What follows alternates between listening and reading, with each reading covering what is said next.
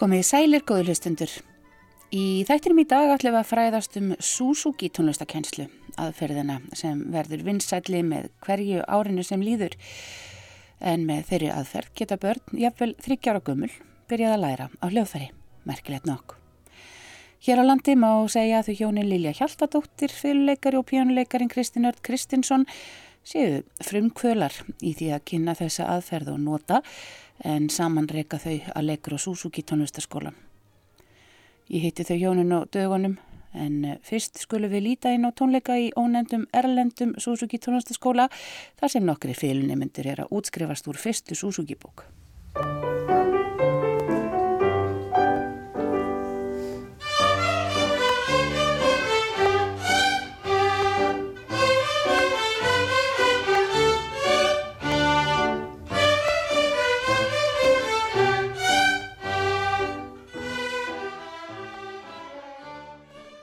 Kristín, kannski ég byrja á því að byrja, byrja þig um að útskýra fyrir mér um, svona hugmyndafræði Suzuki aðferðanar. Já, hugmyndafræðin, hún byggir nú eiginlega á því að það verið að líka eftir hvernig, og það verið að líka eftir þessu kraftæki þegar lítið börn læra að tala. Og já, það er eiginlega grunnurinn aðferðin, hún er kallið móðumálsæðferðin. Ég held að Suzuki hafi viljað kalla hana móðumálsæðferð frekar heldur einhver Suzuki að vera. Og hver var þessi Suzuki? Hann hérna læriði þjóðleiki í Berlín, Japani, byrjaði mjög sent að læra, ég held að hann hefði verið sko næri tvítur þegar hann byrjaði að læra virkilega félu. En pappans framleiti félur, hann var félusmiður í Japan, þá var Japan svona opnast fyrir vestarnum áhrifum og, og félan konsulti í tísku. Og hann sem sagt ákveður þá að fara að læra þarna um tvítugt og, og hva, hvernig finnur hann upp þessa aðferð? Já, sko hann reynda fyrst er hann var að hérna, reyna að finna út úr sem er þyluna þá hlusta hann okkur upptöku eftir hérna sem er fyrirleikar að missja Elman ég held að vera afimar í sjúpar sem hann hreifst svo af og hann fór að reyna að finna þetta út á þyluna bara eftir eira en síðan eins og segi fór hann í framhásná komst í framhásná til Evrópu. En svo þegar hann kom aftur þá kom einhver með fjórara svon sín til hans og spurði viltu kenna hann með fyrlu og þá náttúrulega var hann svolítið í vandræðinu hvernig óskupin átti að fara að þessu. Og þá var það sem hann fór að hugsa út frá tungumálinu. Hvernig stendur á því að börn þau læra allir sitt móðumál með réttum hreim og alveg sama hvaða hvaða hérna afbreyða tungumáli hérna hvaða málíska þau læra alveg fullkomlega. Uh, síðan ef að fullóri maður fyrir millir landa og er kannski í nokkur ár hann nær tungumálar aldrei. Þannig að þá fer hann að hugsa um það hvernig læra bönni móðmálið Já og hann hugsaði náttúrulega líka hvernig við fyrir að kenna einmitt þessu barni og þá einmitt notaði hann þessa, þessa hugmynd, þessa móðumáls að fyrir þess að hvernig læri hann að, að hérna að tala. Og hann bara byrjaði að nákvæmlega eins með þetta, þetta barn þegar þetta var hérna Toyota. Og hérna og hann hérna sem setna var svo koncertmeisteri í Fílómanín í Berlín. Og hérna og hérna og hann náttúrulega þróaði þess að fóra að vinna með þessum ungan dreng og þessum unga dreng og hann náði alveg frábærum árangri og sá einmitt að, að með því að hlusta svona mikið á námsefnið hafa ekki nótur fyrir fram að sig og hlusta og hlusta og endur taka hlutin og gera það mjög oft þá öðlaði spatni færni. Og fyrir utan það þá náttúrulega lærða það hvað þetta umhverfið skiptir miklu máli og vinna líka með foreldrum og þessi þrýrningu kennari og nefandi og, og, og hérna og foreldri hvað þau þurfa að vinna náðu saman til þess að líka ná þessum árangri. Mm. og það var eiginlega svona uppaðið af þessu sko. Hvaða ár er þetta? 60, nei hann byrjaði fyrst sko, hann var alveg 10 ár, hann er ábyggilega verið svona millir 40 og 50 sem hann kemur heim til Japan sko, það er eftir, eftir stríði, hann, eða í stríðinu, hann er verið í Japan þá, í stríðinu, en hann tók hann alveg 10 ára að forma sko aðferðina og svo er þetta ekki held í kringum 60 sem hún fer að breyðast út til hérna til Ameríku, Ameríku og, og við vorum einmitt þegar ég fór til Ameríku það var 78 þá fer ég að læra hjá kennar sem heitir John Kendall, Kendall og hann var einmitt þessi frumkvöðl í Ameríku.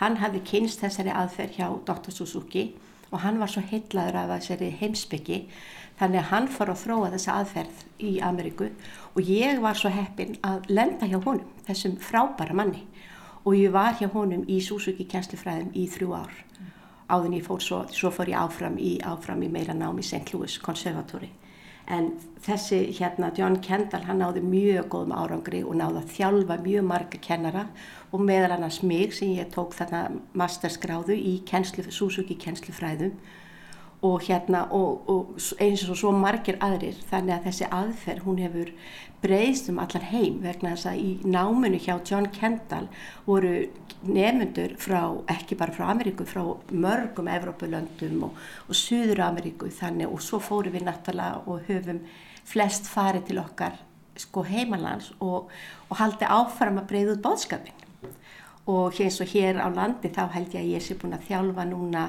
á þessum árum frá því 82 þá er ég búin að þjálfa svona uppið til 30 Suzuki fylgjukennara og þið geti ímyndaði hvað fylgjuhópurinn og hvað fylgjunauðmyndir og orðið margir sem hafa farið og, og verið hjá þessum kennurum hér á landi mm. sem er allir upp til hópa mjög góður og mjög færir. En þið eruð eh, ákveðni frumkvölar hér á landi og stopnið eh, skóla yeah um, og reki núna eh, Allegro Suzuki skólan já. þetta byrjar með fyrlu ekki sagt já.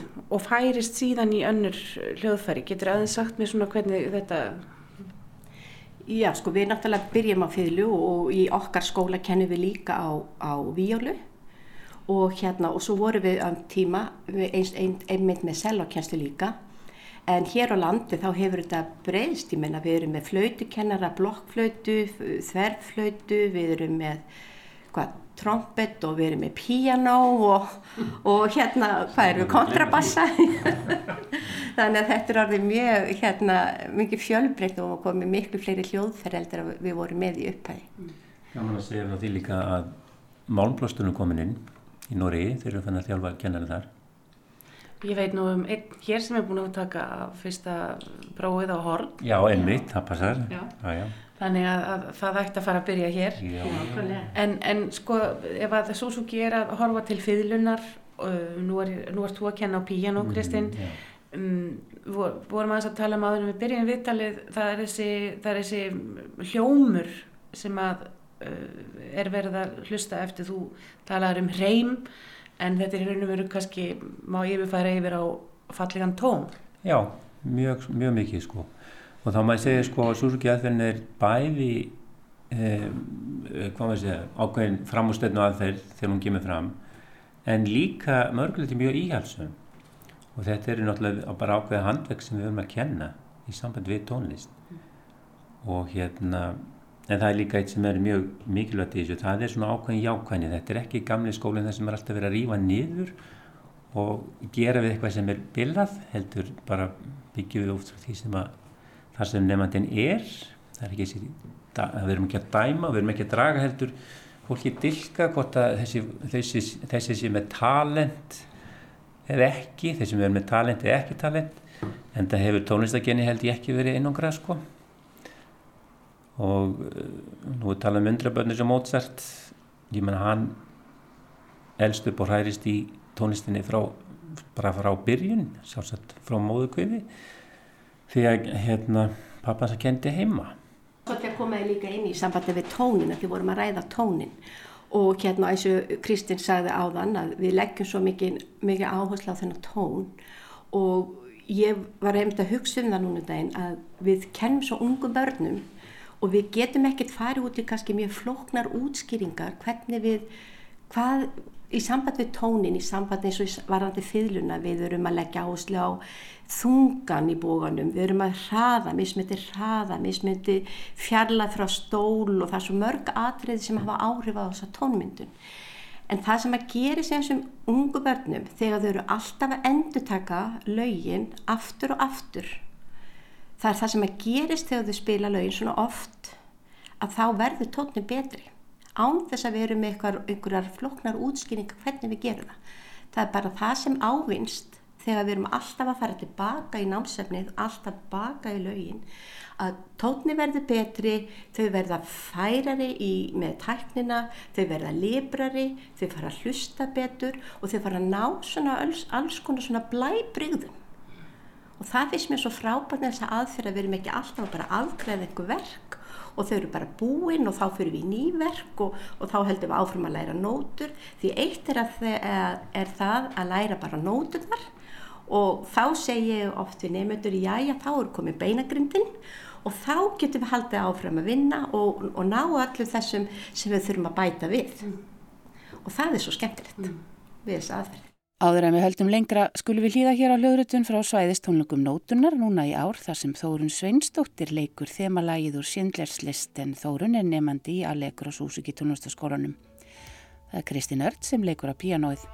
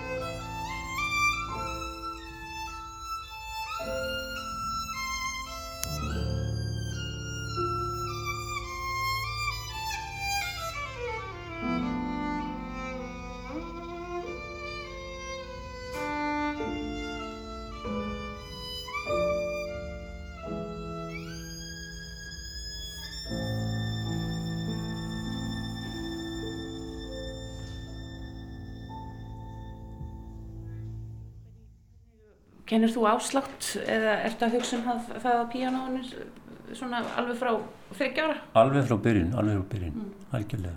Og hvað, hvað ertu þá að hugsa um þingda og eða, hvernig kennir það áslátt?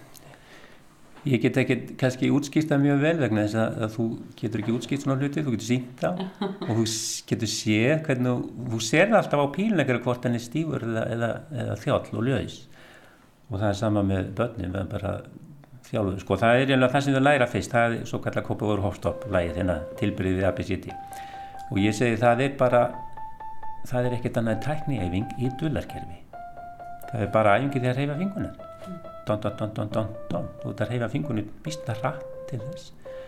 Og við byrjum vel út frá stakkatótóni sem því það þú þarf að, þarf að losa þig frá tónu líka.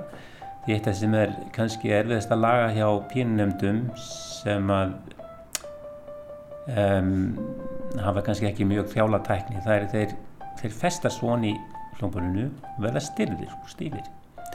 Þannig að já, frá fyrsta degi, frá fyrsta tóniröfni þá hugsaum við tæknina og hvernig gerum þetta eðlilega. Og það er, já það er mjög mikið lagt úr því og þetta eru mjög gammaldags æfingar af því það er teknir pínlítli bútar og þeir eru aðeir og endur teknir aftur aftur sikvar hendi, lærið utan það. Ekkert með nótu fyrst bara gera hlusta og erum eftir. Og vonandi ef þetta gengur velu þá eru þau líka að þjálfa eirað og læra í lögin eftir eiran það er ekki verið að kenna um lögin sem, sem, sem, heldur þau eiga að fá aðeins að spreita sig að finna nótur hvað þeir eru. Ef þú er búin að hlusta nóg, þá vita nákvæmlega hvernig lægi hljómar.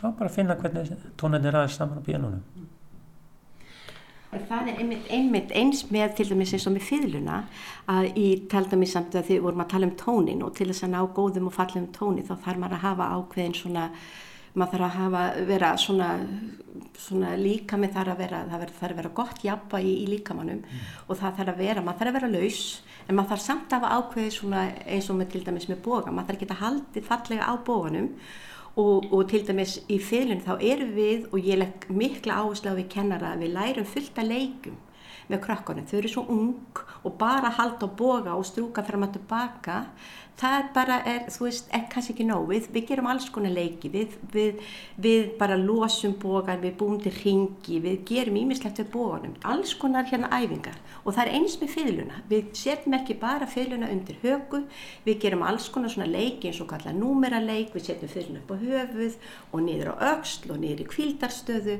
og, og þannig að við erum alltaf að losa alla líkamann. Við erum ekki að festast bara með því að setja hljóðfæri upp í þá stöðu sem það þá þarf að vera í þegar við spilum heldur eru við alltaf að losa hljóðfæri frá, frá og við gera æfingar til þess að bara ná þessari bara, já, vera laus og mjúk og Þannig að þetta verði svona bara eðlilegt ástand. Já, það er nefnilega það sem við, við erum alltaf að, hérna, við tökum við pljóðfærið, við setjum það á gólfið, setjum það í kvíldastöðu, setjum það upp í spílastöðu og eins og ég segi við spilum lögin svo aftur og aftur en við erum alltaf að kvílin á milli.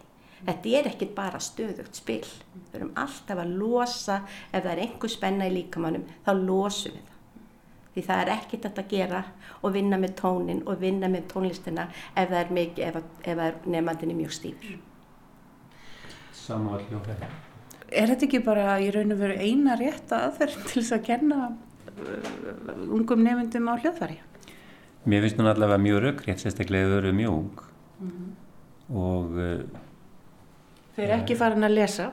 Nei, nei, þau eru ekki farin að lesa og það er mjög eðlilegt að, ég meina, þú byrjar ekki að því að læra að lesa, þú byrjar fyrst á því að tala tungumáli og þú hefur fyrirmynda tungumálinu, þú hlustar á það tala við börnir á hverju eins degi, ég meina, fólk byrjar að tala við ómálka börn á hverjum degi mm -hmm. og það er náttúrulega þess vegna höfum við þessa hlustun þessi þetta kjarnanámsefni sem bara á að hljóma í einhverjum bara eins og tungumálið mm. á hverjum degi. Og uh,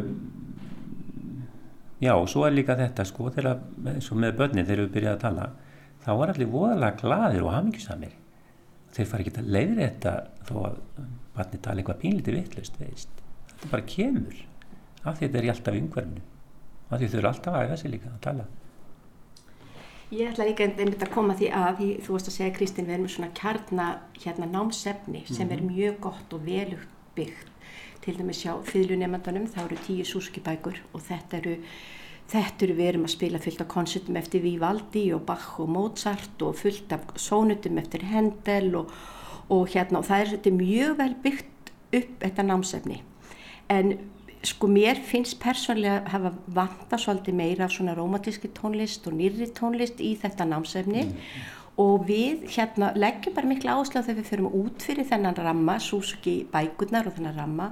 Og við vinnum hérna eða held ég bara með að segja að flestir Suzuki kennarar þeir vinna eftir íslensku námskraf og nefnendur, Suzuki nefnendur er að taka þessi áfangapróf og standa sig mjög vel Þannig að við erum að bæta við fullt af viðbótar efni. Við bætum við öllu þessum æfingum og í tónstugum og, og öllu þessu tæknaæfingum eins og ég sagði áðan, alls konar viðbótar efni. Mm. Og svo eru þessir eh, stóru hópar, Suzuki hópar. Hva, hver er hugmyndafræðið með því að allir spilja hóp? Sko fyrstulega er náttúrulega fyrst mér ofsalega gaman að hafa hópin því það er sko, er fyrstulega, það er svo gaman. Og þetta er félagslegt og þetta er eins og við erum að þjálfa því að vinna saman. Og ég segi stundum þetta er bara eins og við erum að þjálfa eins og fyrluleikarinn í Sinfoniljóst Íslands. Við þurfum að læra það að vera saman. Við þurfum að finna einhvern samhljóm. Við þurfum að finna það að vera saman í bóstrókum og binda og strjúka og, og gera stert og veikt og allir þessi núansar. Og þetta er það sem við erum að þjálfa. Og þess vegna leggjum við mikla áherslu á að nefnutinu kunni þessi lög mjög vel í þess sem þau eru að spila í hóptímanum því ef þau kunnaði mjög vel þá getum við haldið áfram með alla þessa þætti mm. og gert músikina og bara ennþá eftirsoknaverðari mm. og betri. Er, það, er það rétt hjá mér um, það sem ég hef heilt nú, þekki ég ekki ég hef aldrei prófað þessa Suzuki aðverð en er það rétt hjá mér að börnin jafnvel sko 12-13 ára muni og geti spila lögin sem þau lærðu fyrst? Já, ég get alveg sagt það. Ég er til dæmis með kennaranema núna, því ég hef nú haldið áfram að þjálfa kennara hér á landi, sem eru, hérna, voru hjá mér í gamla, gamla daga og hérna er að koma núna tilbaka og er að læra að verða súsöki kennarar. Og ég er með einn kennara núna sem hérna er að fara í gegnum, sko þegar maður verður Suzuki kennari þá þarf maður að fara í gegnum svona fimm stig og þessi kennari, ákveðni kennari er að er að fara í gegnum annað og þriðja stíð þessi nefandi hérna og þessi kennari bara mann öll lögin frá því gamla daga 20 árum síðar. Ekki bara ekki búin að gleyma neinu og það er svo frábært, þetta er bara eins og með orðaforðan eins og við lærim í upphafi við gleymum ekkert orðanum mamma og pappi og, og allt þetta, við höldum áfram að nota þessi orð og það er bara eins með, þessa, með þessi lög Svona fyrir hlustendur, getur þú gískað á hvað er þetta svona cirka mörg lög? Já, það er mörg lög. Ég veit það nú eiginlega ekki. Þetta eru svona, þetta eru, nei, ég veit það ekki. Hvað heldur það séu mörg lög í, kannski 50? Já, það er tíu lög eitthvað í bók, það eru 100 lög, en, en það er ekki nei, svo mörg í setjubókunum. Nei, nei, þetta eru er kannski svona 50, 100. Ég 50 lög og koncertar. Ég veit það ekki, ég hef ekki töl.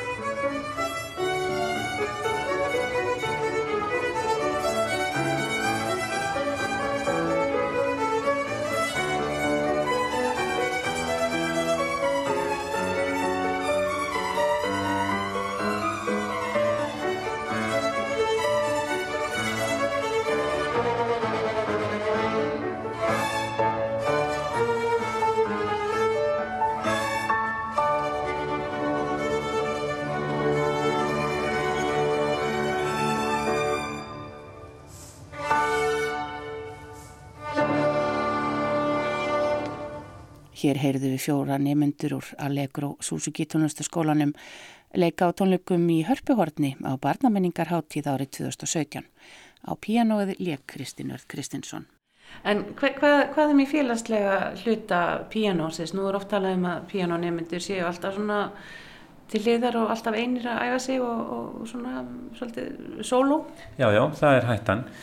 Við erum bæði eins og í fyririnu, við erum bæði með enga tíma og hóptíma. Þannig að við erum með hóptíma svona 5, 6, 7, 8 saman í hóp. Notið þá hljómborð eða er þið með hljómborð? Sko við erum með þrjú píjan og svo kannski bæti við einu temi hljómborð við, þannig að við reynum bara að vera með mörg hljófæri og getum. Mm -hmm. Ofta námskeiðum erlendist þá eru sapnað saman svona tíu hljómborðum og þá var þetta að vera með skemmtilega hóp og það er mjög gott í sambandi að vera í vjö og það er náttúrulega þetta reytaði sem bara Suzuki sá að hérna að hérna mannskeppnin er svo mikið hjarðdýr og hérna svo mikið hjarðhegðun þú, þeir langar að gera eitthvað sem einhver annar getur gert. Og þetta er nákvæmlega saman með börnin það sem að örfa börn mest er að læra tónlist er að sjá önnu börn spila. Og það bara, við vitum það sjálf minna, við elskum að vera í hóp og vera að gera eitthvað með öðrum. Þannig að þetta er mjög mikilvægt þettur og raun og veru er svolítið merkilegt að sko þetta kjensliform enga tími sem við tölum við hér, þá er það eitt kennari og eitt barn og síðan eitt foreldri. Eh, Suzuki sagði einhvern tíma að þetta var ekki gott umhverfi. Það vildi hafa fleiri það vildi hafa fleira hlusta það vildi hafa fólk verið að fylgjast með. Hann í raun og veru var alltaf með masterklassaformir í sinni kjenslu mm. og mér skilst að hafi þannig með byrjendur að þeir áttu bara þeir gáttu komið millir 2 og 4 á daginn. Og svo bara pekka núti eitt barn og kendi því og svo næsta og þá var allir inn að hlusta. Það er nefnilega eitt í þessu líka í þessu samtöfina félagslega þátt að, að vera í svona hóp, það kynast þau mjög vel. Og svo fyrir utan skólatíma þá eru þessi krakkar að hittast og hér, bæði hér á landi uh, þá eru haldin hér námskeið fyrir súski nefnendur og ekki bara hér heldur er þessi nefnendur að fara á námskeið til dæmis í Evrópu. Og, og þar eru það að kynast nefndum frá öðrum löndum, spila sama námsefni, spila sama kamimúsik, kynast, læra annað tungumál betur. Þetta er, þetta er ofsalega gefandi og, og, þú, þú veist, og bara í minningar fyrir börnin og fyrir fjölskyldur og hérna, það, þetta er bara alveg dásalegt En þetta byggir svolítið mikið upp á fóröldrunum? Það byggir sko heilmikið og við náttúrulega leggjum mikla áherslu á það í upphafi að við þjálfum og við svona mentum fóreldra. Við höfum sko, leggjum ásla við hérna að við erum með hérna, hvað sér, fóreldra, fóreldra fræðslu í svona sex vikur þar sem við kennum hérna fóreldrum svona undustöðu atriði uh, þar sem þau gera sér til dæmis grein fyrir hvernig við höldum á bóganum, hvernig við höldum á fylunum, hvað og bara hvað við ætlumst til af þeim. Við leggjum áherslu á mikilvægi hlustunar, mikilvægi þess að hafa reglu og æfingum, mikilvægi þess að vera jákað heima. Við hjálpum þeim við heimaæfingarnar, móta þessar æfingar, við stýrum þeim. Þeir koma í tíma með sína bæku sem þau skrifa í og hlutur kennarans er meðal annars að bara leiðbun og segja fólk til nákvæmlega hvað þau hafa að gera og svo setna mér þegar nefndinni komið náttúrulega fram úr fóröldrum og læra og komið það langt þá eru fóröldarnir í því hlutverki að fara með nefndum í tíma, skrifa niður, hrósa fara með það á tónleika, fara með það á námskið og þannig eru líka fóröldar þau eru að hittast, þau eru að bera sama bæku sína, þau eru að læra, við erum að læra hvort öðru. Og þetta er svo mikil dásanlega fjölskylda sem við höfum að það í skólanu hjá okkur. Fóröldarnir þekkjast orðið vel og það er orðin góði vinskapur og og bara mikill kærleikur okkur finnst það skipta svo miklu máli.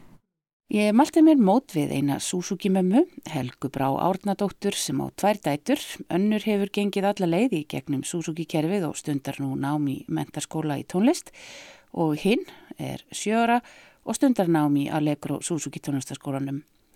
En fyrst skulum við hlýða hér á leik eldri dótturinnar, Margreta Láru, í hljóðritun frá kvæðjutónleikum hennar frá Allegro Suzuki tónlistaskólanum í fyrra. Hún leikur hér á samt Kristni Erni hugleiðingu eftir Jules Massenet.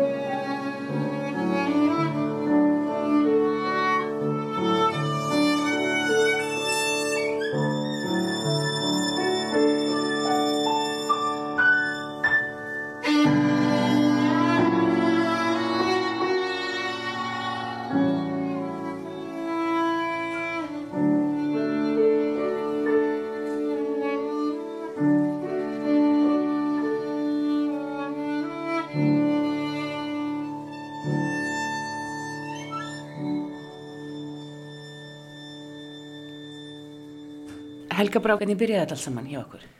Uh, já, þetta byrjaði nú þannig að eldri dóttir mín sem er uh, fjó, verða 14 ára, uh, hún byrjaði í Doremi tónlistaskólanum 2011 og hérna hún hafði huga á að læra á fylgu, hann langaði mikið til að læra á fylgu, hafði talað mikið um það frá því að hún var fjóra ára bann og það kom til að hún átti að byrja í fórskóla þar en okkur bauðst þá að fara í þetta Suzuki nám sem ég hafði svo sem ekkert kent mér sérstaklega þá.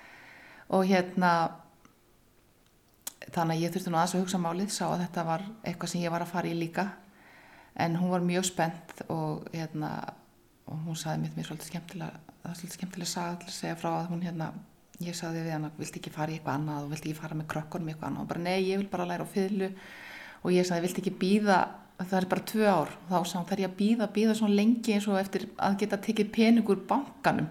Það var hann að tala um sko framtíðarreikningin það var alltaf nú ekki að þurfa að býða svo lengi. Og ég ráðfærði mig nú aðeins við hérna kollega mína úr mótutukórnum sem voru líka í, í tónlist og með börni í þessu námi.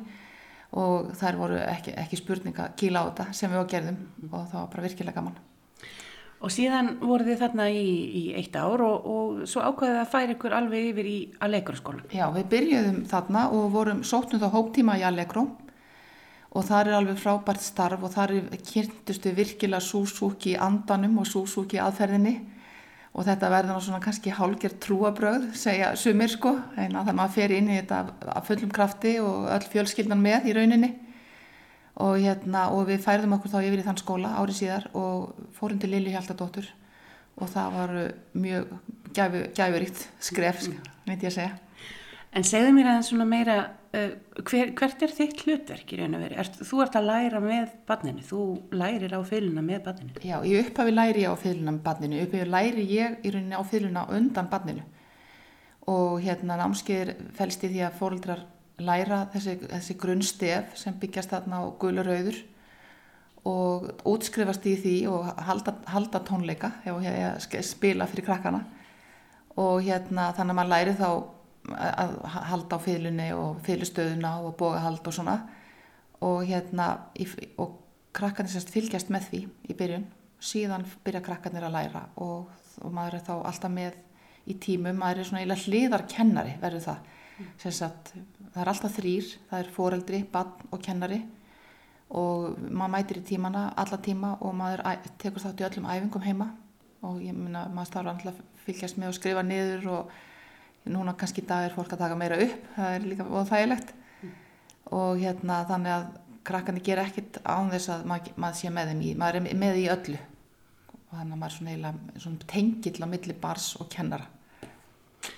Þannig raun og veru þetta er, svolítil, þetta er mikil vinna fyrir fóreldra. Þetta er mikil vinna og það er, það er bara mikilvægt og algjör skilda að æfa sér hverjum einasta degi og hlusta á tónlistina á hverjum einasta degi og það hefur gefist okkur vel að setja þetta bara í ákveðna rútinu.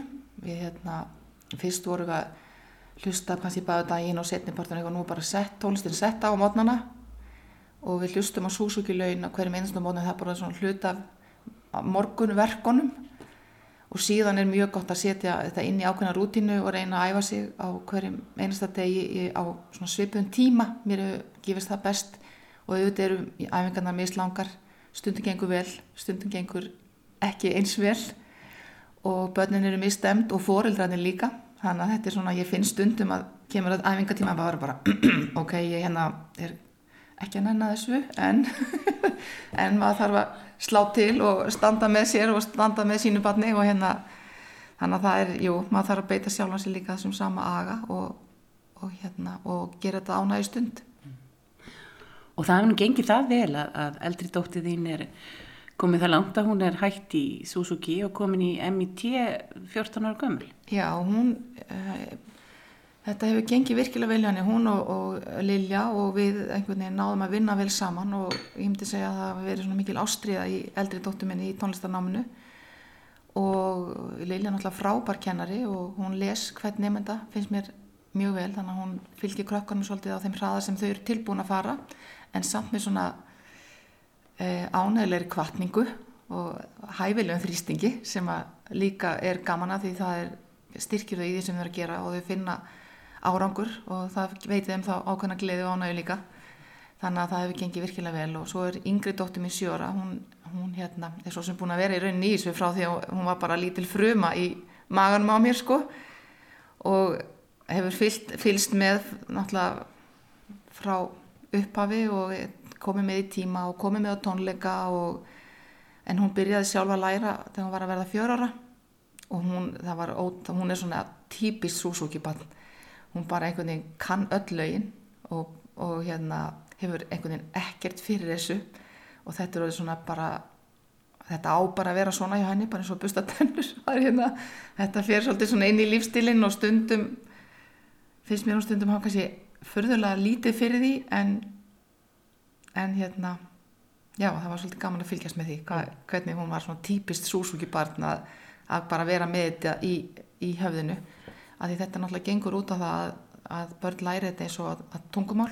Þau bara hlusta og hlusta og hlusta og þannig byrja þau að tala eða spila og, og herma eftir og hérna þannig að það hefur verið mjög gaman að sjá. Og það er svolítið munur á þeim að því hún byrjaði setna eldri dóttir mín en það er mjög gaman að fylgjast með þessu En hefur gleðin ekkert farið úr eh, svona þegar nótur bætast við að lesa nótur og svona hjá eldri dótturinni hefur, mm.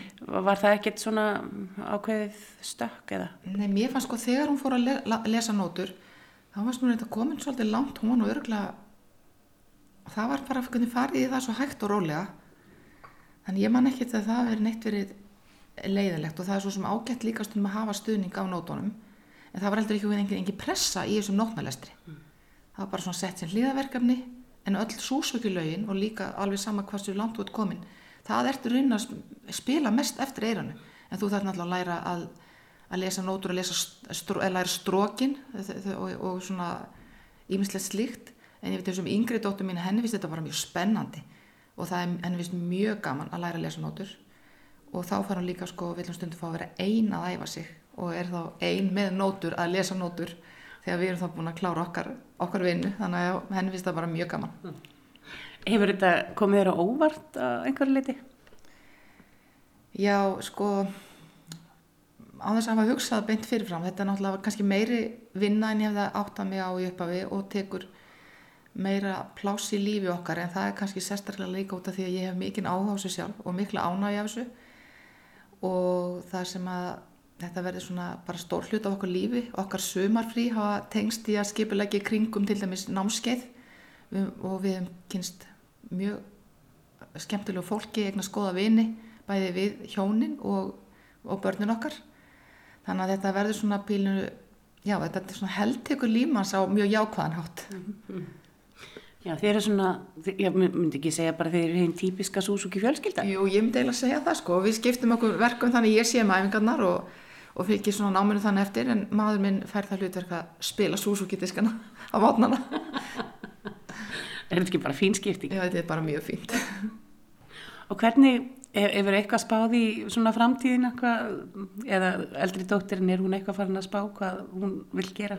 Já, hún er náttúrulega bara nýfæmt en ég, maður veit svo ekki hvað hún eh, ætlar sér en hérna en hún hefur stundir sagt við mig mamma, ég vildi geti bara verið í fýðlu skóla þar sem ég geti eftir fýðlu og fimmleika þannig að maður sér hvað verður. En svona í lokin hefur þú sjálf lært eitthvað af þessu annað en nokkur grip á fylguna? Já, ég, mér finnst það sem hefur kannski, uh, ég, mér finnst ég var lært heilmikið í svona uppeldislega af þessu. Af því það er svo gaman að fylgjast með þessari aðferð sem byggir á því að, að rósa og þú rósar alltaf fyrst og síðan er eitthvað sem hægt er að gera betur og ég held að þetta sé svolítið svona gott fyrir okkur að tilenga okkur þetta heldur en að vera alltaf með þess að neikvæða skilabátt til bannan okkar að því að veist, það má ekki þetta og má ekki hitt og þetta á ekki vera svona og hins einn þannig að mér er þótt þetta mjög lært á strikt og fylgjast minni Lilju hvernig hún tekur texta á við nefndurna og þegar þeir eru að spila fyrir hann þá kemur alltaf slatt á góður hrósi hvað hefur verið gert vel og síðan hvað mætti gera betur. Og ég held að þetta þetta er allavega, ég mist ég var lært af þessu sjálf og ég hef reyndið að nýta mér þetta. En þetta lítur að þarna svolítið mikillar skipulagningar. Já, það er náttúrulega annað. Er, maður náttúrulega lærir að skipulegja tíma vel. Ég er reyndar, ef svo sem gert það á upplæðinu, en krakkarnir læra líka að skipulegja sig og setja þetta inn í ákveðin ramma og, og hérna þannig að já þetta var nefnilega aðstæðan En svona skipulagslega sé þar oft talað um að, að börn sem að já, eru mm, komin ákveðið langt í, í tónlist að þetta, þeim gengur betur í námi og, og er þetta ekki bara spurningum svolítið svona skipulag? Jú, ég held að það sé mikið, mikið til því. Er, þau hafa mikið að gera, þau eru komin langt í tónlistanámi og eru kannski og eru, komin, eru í skóla og eru í kannski öðru tónlistastarfi þannig að til þess að láta allt ganga upp þá þurfa þau að skipulegja sig og það er hægt að koma flest öllu fyrir ef maður gerir það vel. Og ég hef reynda allavega leiðbenna dætru mínum og sérstaklega eru eldri sem er komið lengra að setja niður tíman, nýtan vel og hérna þannig að þá er pláss fyrir allt líka gæðastundir og, og gleðistundir með vinnum og kunningum.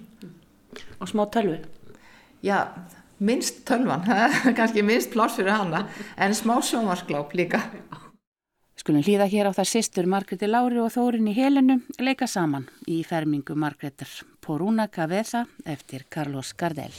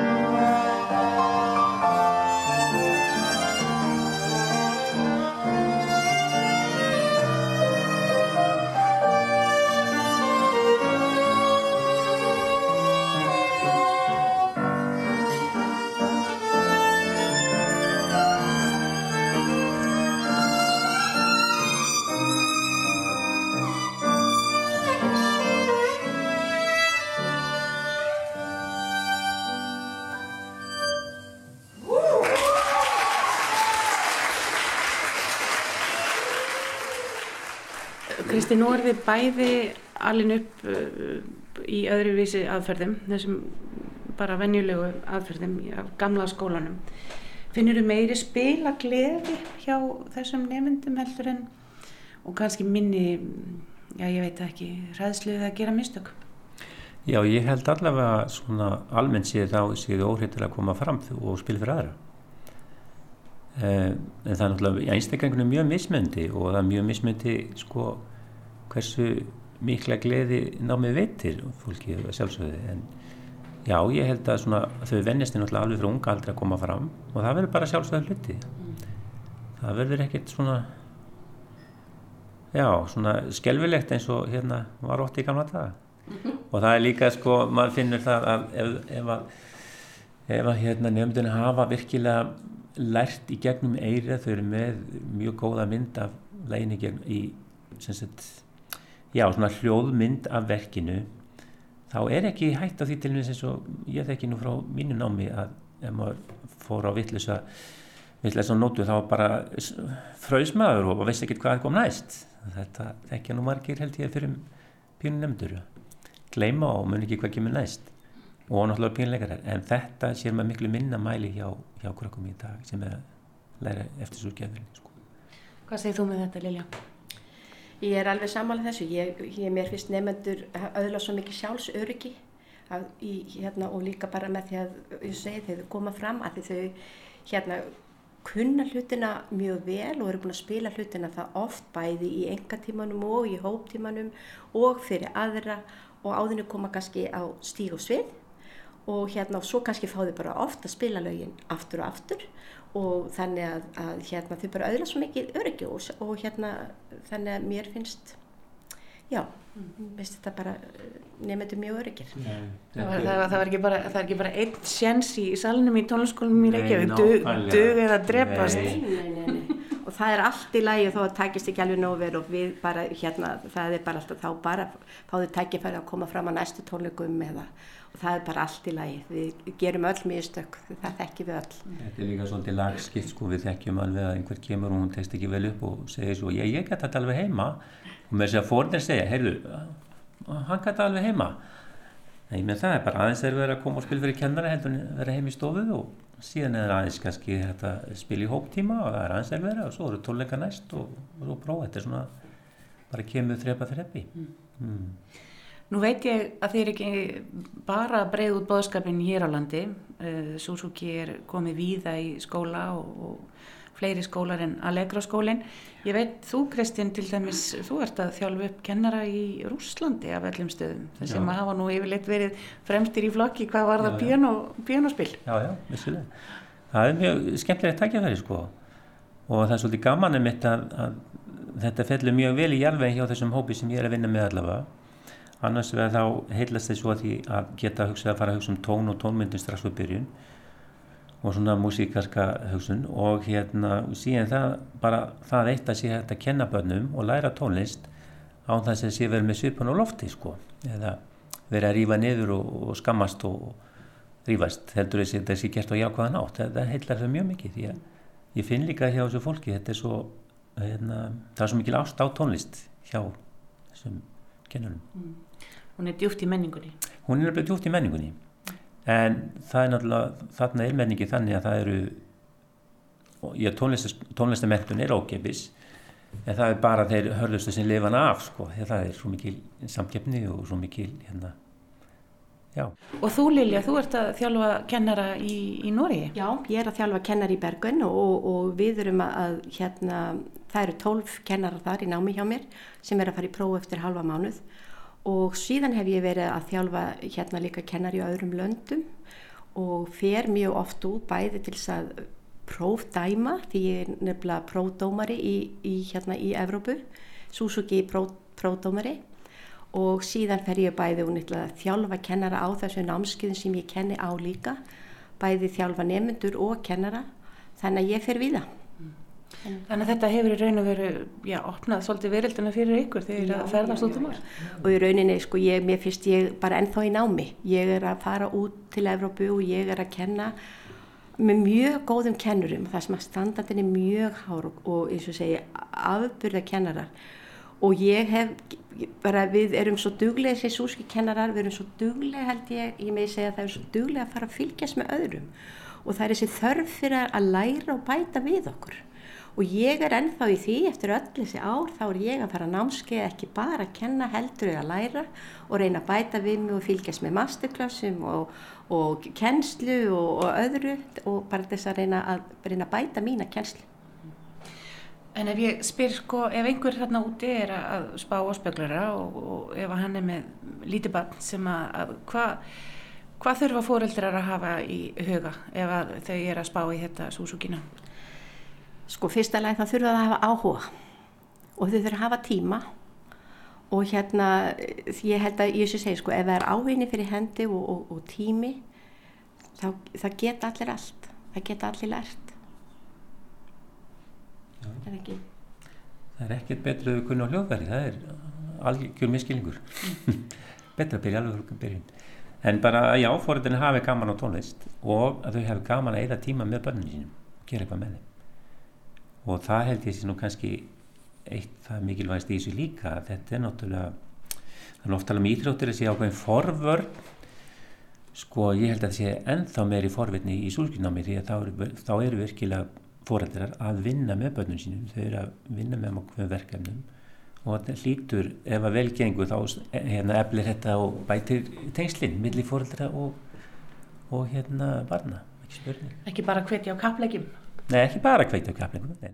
Lilja, færðu aldrei, segðu mér alveg satt, færðu aldrei leið á Kópavóru Hófstaf? Nei, aldrei.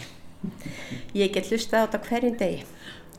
Og ég hef búin að hlusta á þetta hverju, ég sagði þetta nú einhvern nefnandi í gerð, ég sagði við hann, veistu það að ég er búin að hlusta á þetta lag í meirin 40 ár? Og ég hlakka til á hverjum degi að hlusta á uppbólslægi mitt sem eru tilbyrðin eftir hérna, hérna, lægið að biseti. Þannig að það get alltaf haldið áfram. Ég ætla að þakka ykkur hjónum kærlega fyrir spjallið og bara segi gangi ykkur vel með alla þá nýju nemyndur sem að þið fáið og, og ykkar. Takk fyrir það. Við ljúkum þættinum í dag með því að hlýða á fjóra nemyndur Allegro Suzuki skólans leika þátt úr konserti fyrir tvær fylur í Amól eftir Antonio Vivaldi á Pianoðer sem fyrir Kristinörd Kristinsson þanga til næst hafið það sem allra best Verði sæl.